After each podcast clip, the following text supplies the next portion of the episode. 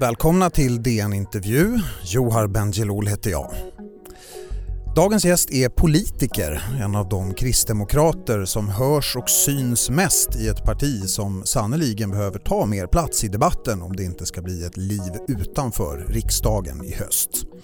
Tidigare ordförande i ungdomsförbundet KDU, sitter i partistyrelsen och nu också kommunalråd i Linköping, känd för att ha drivit fram decemberöverenskommelsens fall och också för frän retorik emellanåt och för sin fingertoppskänsla för mediala effekter som till exempel det triumferande champagnefirandet när KD lämnade decemberöverenskommelsen. Välkommen Sara Skyttedal.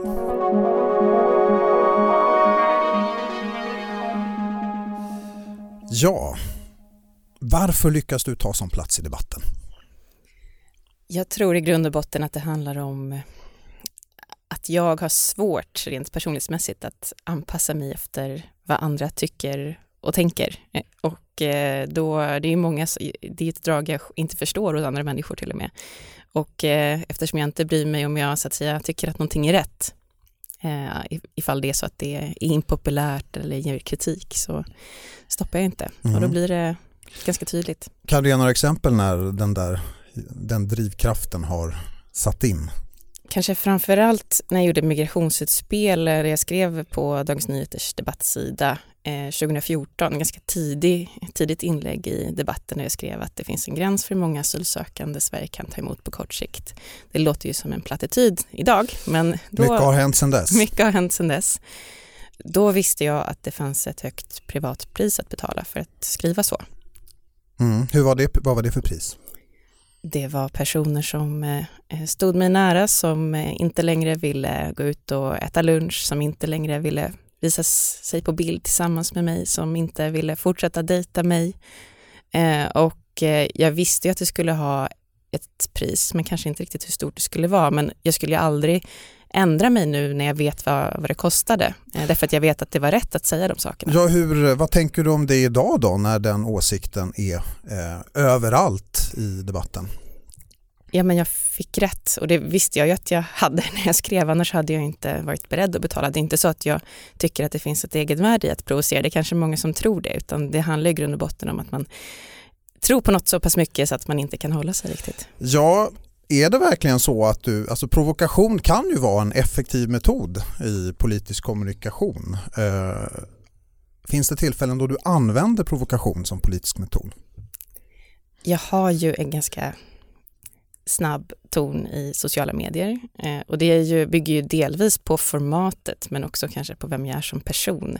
Men jag tror ibland att många utomstående tror att politiker är betydligt mer kalkylerande än vad man är min eh, erfarenhet hittills av eh, all politisk verksamhet att det är väldigt mycket som sker på slump och tillfälligheter. Lite mer, det borde man vara mer orolig för än att det finns någon konspirationsteori som står där och alltså jag har, överallt. Jag har ändå svårt att tänka mig att du inte med din politiska erfarenhet vet att du säger och gör saker som du vet kommer att väcka harm. Det här till exempel att kalla flygmotståndare för dumpuckon som du gjorde i en tweet och partivänner för trafikolyckor som du gjorde om eh, Parti, eh, Pernilla Günther heter hon.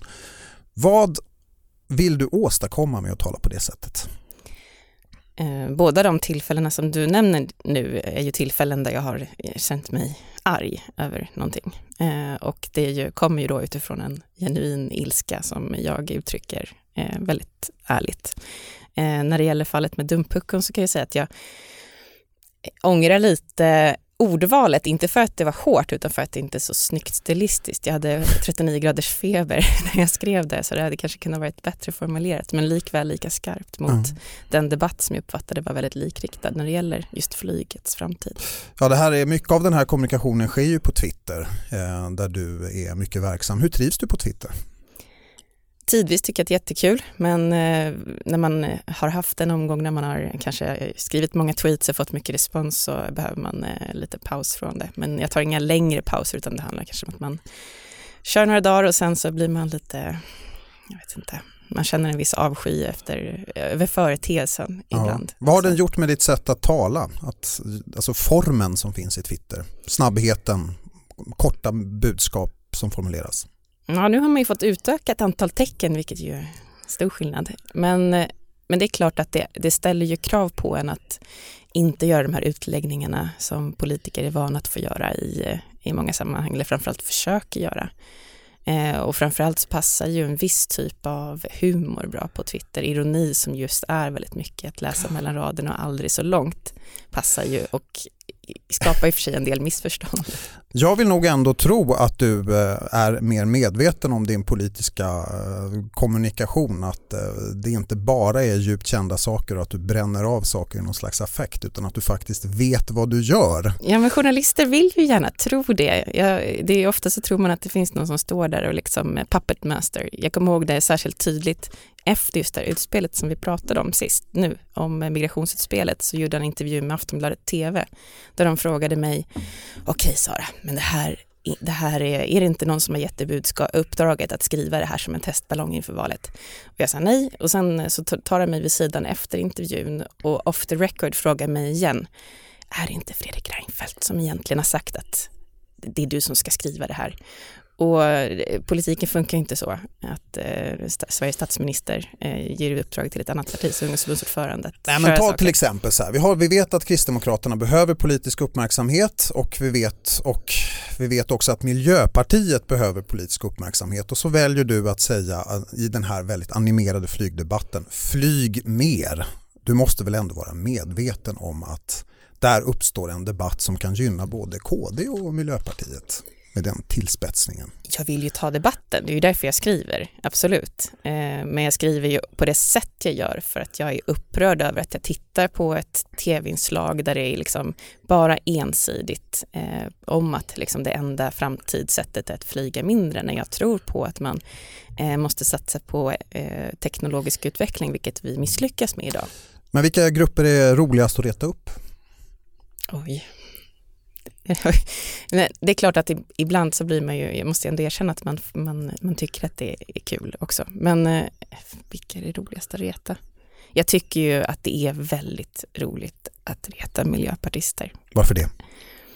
Nej men någonstans så, de representerar liksom det ultimata liksom, eh, godhetspolitiska korrekthetspartiet och ser sig själva med så stort allvar så att om man på något sätt kan punktera det där eh, så finns det en viss tillfredsställelse i det, absolut. Man får ju intrycket av att eh, din partiledare Ebba Busch Thor inte alltid är helt bekväm med dina utspel. Ta det här med flygmotståndare, dumpuck och det som du sa med 39 graders feber. Hon kallade det för respektlöst, illa formulerat, för polemiserat, inte så vi ska bemöta våra motdebattörer. Eh, har hon rätt i sin kritik? Samtidigt så i den där intervjun som du eh, Det var citerar, i tidningen Dagen. Precis, så, så säger hon ju också att eh, jag lyfter fram viktiga poänger som kanske aldrig hade kommit upp annars. Men att det är, det är respektlöst så... och att det inte är så vi ska tilltala våra debattmotståndare, har hon rätt? Jag tycker att man eh, bör tillåta ett eh, debattklimat som eh, är eh, rakt och tufft vissa gånger och ibland så tror jag att många tänker att man ska liksom få få det här äh, snabba, tydliga kommunikationen utan, äh, utan så att säga den andra sidan myntet. Och Ska jag tolka det som att du inte tycker att hon har rätt där? Jag tycker inte riktigt att äh, hon har rätt. Men som sagt, jag hade ju justerat ordvalet till något, en mer stilistiskt mm. snygg förolämpning ifall jag hade gjort om det. Ja, hur, hur är din relation till partiledaren Ebba Busch? Den är god. Jag tycker att vi har ett bra samarbetsklimat inom ramen för partistyrelsen. Vi har förtroliga samtal vi regelbundet. Mm. Hur lyckad har hon varit som partiledare? Hon har ju liksom ännu inte lyckats få fler väljare att vilja rösta på partiet. Det har varit en rekordlång tid där det varit siffror under 4% Även om KD alltid brukar göra bättre ifrån sig när det närmar sig val. Ja, Ebba har inte fått en enda väljare eftersom det inte varit något val sen Nej, hon... men jag talar om, det har varit en väldigt jag... lång period i opinionsmätningarna där partiet har legat under 4 Precis, och det är ju val, valet som räknas. Så jag är mer oroad över den här tendensen som har varit de senaste valen. Sen, sedan 1998 så har Kristdemokraterna minskat i varje val och mellan valen så ligger vi ju ännu lägre då i mätningarna. Och fortsätter den tendensen så är det ett brott. Men jag tycker att Ebba har fått en tuff start, två föräldraledigheter i inledningen av sin... Eh... Ja, var det lyckat med två föräldraledigheter under en tid när hon verkligen hade behövt som partiledare? Jag har svårt att eh, tycka att man eh, som eh, annan person än henne ska göra bedömningar om hennes prioriteringar i privatlivet. Men det är klart att det blev svårare att ta sig in och markera en roll i debatten. Men jag tycker nu att det både känns positivt och vi ser också en tendens i mätningarna där det går åt rätt håll. Ja, man ska ju vara försiktig med enstaka opinionsmätningar men det, du har rätt i det. Det finns en tendens den senaste tiden att KD gått framåt i en, en, vissa mätningar och det under en period då partiet fått mycket, mycket uppmärksamhet egentligen för två saker, Bert och böneutrop. Hur hänger det ihop? Frågar vi oss alldeles strax.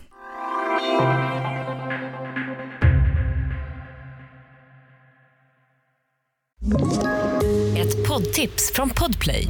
I fallen jag aldrig glömmer djupdyker Hasse Aro i arbetet bakom några av Sveriges mest uppseendeväckande brottsutredningar. Går vi in med hemlig telefonavlyssning och, och då upplever vi att vi får en total förändring av hans beteende. Vad är det som händer nu? Vem är det som läcker? Och så säger han att jag är kriminell, jag har varit kriminell i hela mitt liv men att mörda ett barn, där går min gräns. Nya säsongen av Fallen jag aldrig glömmer på Podplay.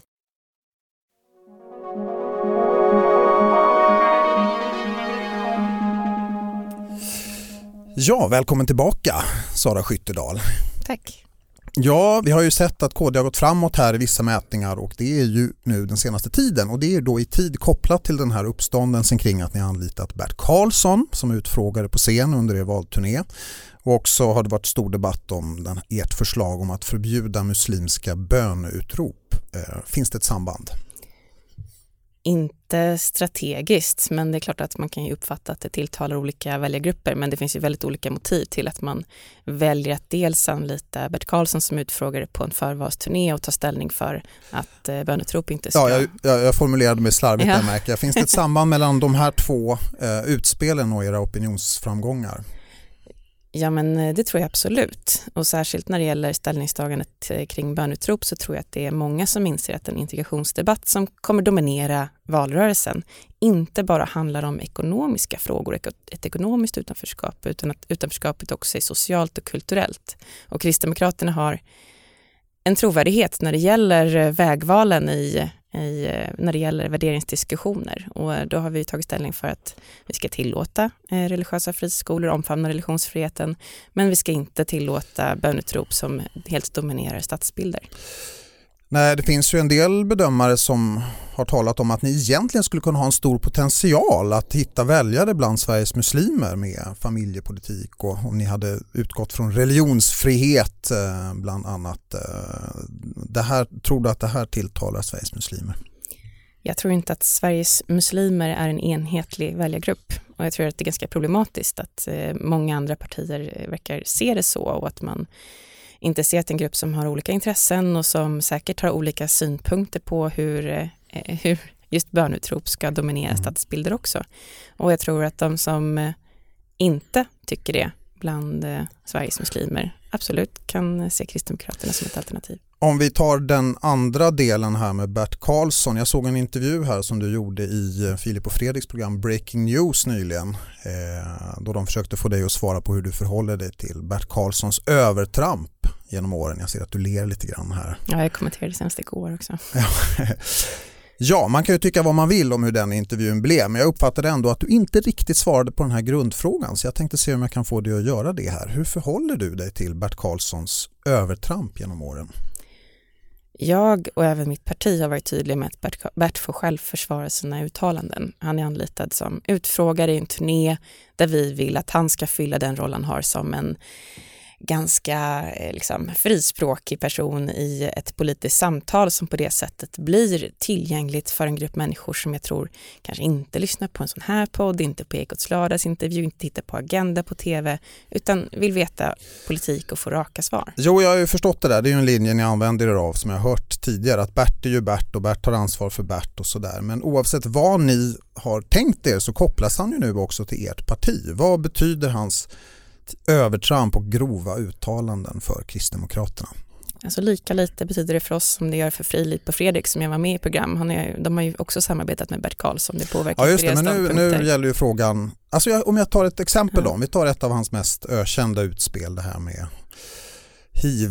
Vi vet att de flesta som sprider hiv kommer från andra länder. Jag skulle vilja se Bengt Westerberg få sin dotter smittad av en flykting, han som pratar så fint om flyktingarna, sa han. Det var länge sedan i och för sig. Vad tänker du om det uttalandet? Att det är ganska uppenbart tycker jag att jag inte måste ta ställning till Bert Karlssons uttalanden. Jag, det är ganska uppenbart att jag inte så att säga, står bakom det där heller. Men eh, lika lite som jag tänker ta ställning för Stiben Ljunggren som är socialdemokrat och en av de andra utfrågarna så betyder ju inte det att eh, Kristdemokraterna helt plötsligt blir ett socialdemokratiskt parti. Utan tanken är att få ett dynamiskt intressant politiskt samtal och hittills har det ju varit en enorm succé. Människor flödar in ja, och liksom det är proppfullt i de här lokalerna. Det är liksom och, inte frågan huruvida ja, det har varit talat, det framgångsrikt utan frågan är så här, går det att bara som du gör nu två dina händer inför kopplingen mellan KD och Bert Karlsson och de historiska grova saker som Bert Karlsson har sagt. Det är väl uppenbart att det går och att det funkar alldeles utmärkt just för att det är en succé. Vi har ett samhällsklimat idag där människor känner en enorm distans till politiken, att man inte får raka besked och då är det fantastiskt att vi lyckas få intresse för valet, för att få människor att komma och lyssna till Ebba Busch Thor, ställa henne mot väggen. Och det är ju fantastiskt att folk bryr sig på det sättet. Jo, och det men gör entusiasmen inför ja, men det de här ju... mötena är ju en sak. Det jag menar är, känner, vad känner du i magen? Är du verkligen helt likgiltig efter, inför saker han har sagt i det förflutna? Nej men när jag hörde nyheten att eh, Bert Karlsson liksom skulle sammankopplas med eh, Kristdemokraterna, för jag var inte med i de samtalen när man planerade, då svor jag rakt ut därför att jag skulle aldrig rösta på Bert Karlsson. Eh, men det är inte det som är aktuellt här och så känner ju många kristdemokrater. Poängen är att få ett politiskt samtal som engagerar, som når ut till väljargrupper som just nu är på väg att ge upp om politiken, att de ska liksom kunna ställa upp eh, när man behöver dem, att ta ansvar. Ja, och det, det är en stor jag, framgång ja, att bota populismen. Du, jag förstår att du tycker det är framgångsrikt och att det, ni, ni når ut till andra grupper ni hade, men vad känner du i magen? Finns det ett obehag inför att ditt parti associeras med Bert Karlsson och nu också saker han har sagt i det förflutna som är hemska? Jag uppfattar att våra väljare, våra potentiella väljare inte ser det som att eh, Bert Karlsson nödvändigtvis eh, påverkar Kristdemokraternas politik. Och det är ju det som är grunden till att man väljer att rösta på Kristdemokraterna. Och när man då får ett sammanhang där man bättre kan förstå vad Kristdemokraternas politik är, så blir det ju desto bättre. Så jag uppfattar inte alls att det eh, påverkar oss negativt. Jag får ju uppenbart många frågor om det från media, men ärligt talat det är ingen annan som bryr sig. Nej, det är bara alltså det är ju, vi journalister vi dras ju till Bert Karlsson lite, det är som flugor dras till en av Bert semlor om det nu hade funnits flugor under semmelsäsongen, det märker du i den här intervjun också. Mm. Eh, vad säger ni internt i partiet om det här greppet och anlita honom? Vi ser ju som jag sagt att det varit en enorm succé en förvalsturné, folk har inte riktigt börjat fatta att det är val än, där folk så att säga står och det är smockfullt i lokalerna. Har man varit på ett partimöte ute i landet någon gång, normalt sett när det är en talarkväll, så är det liksom, det är bara de lojala partiaktiva och några rättshaverister från orten. Men här dyker det upp personer, helt vanligt folk och vill veta mer om politik. Det är en framgång. Bert Karlsson har ju då länge själv, han har arbetat efter den här devisen all publicitet är bra publicitet i sin verksamhet. I vilken mån stämmer det också i politiken? Jag tycker inte att det stämmer rakt av, men det är uppenbart så att om man befinner sig helt utanför eh, medias eh, så att säga, strålkastarljus så är det svårt att nå ut med sin politik. Och särskilt gäller det Kristdemokraterna nu för att våra motståndare när det gäller vår huvudvalfråga, vården, det vill säga Socialdemokraterna, har ju vägrat konsekvent att ta debatter med oss och då blir det ju svårt att synliggöra vad alternativen är. Men om, om taktiken då är att med Berts Karlssons stora dragningskraft så blir det en slags, om jag har förstått det rätt här, du får rätta mig, det ska vara någon slags taktisk hävstång för att få folk att lyssna på er och få er att också på er politik eh, inom andra områden. Är det rätt uppfattat? Ja, men jag tror att Bert eh, skapar ett samtal som just ger det här intresset, absolut. Mm. Och då ställer jag den sista frågan. Eh, du har ingen känsla kring det moraliskt riktiga i att eh, anlita en person även om han lockar mycket folk som har eh, önskat att Bengt Westerbergs dotter ska smittas av hiv av en flykting? Alltså vårt mediala samhälle är fullt av personligheter som eh, drar skämt som är olämpliga, som är bordusa, som är plumpa. Eh, bland annat eh, själva Filip och Fredrik, de som eh, så att säga hängde ut mig för det här, har ju dragit skämt som gjort dem anmälda till granskningsnämnden.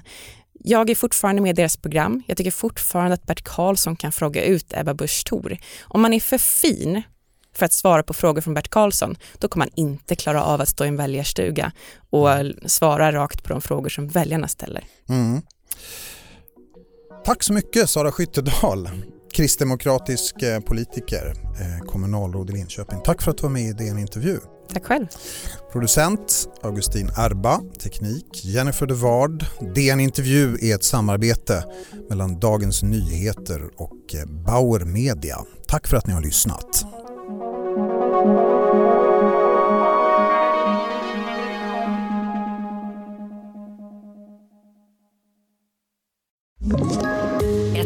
Poddtips från Podplay. I fallen jag aldrig glömmer djupdyker Hasse Aro i arbetet bakom några av Sveriges mest uppseendeväckande brottsutredningar. Går vi in med hemlig telefonavlyssning och, och då upplever vi att vi får en total förändring av hans beteende. Vad är det som händer nu? Vem är det som läcker? Och så säger han att jag är kriminell, jag har varit kriminell i hela mitt liv men att mörda ett barn, där går min gräns. Nya säsongen av Fallen jag aldrig glömmer på Podplay.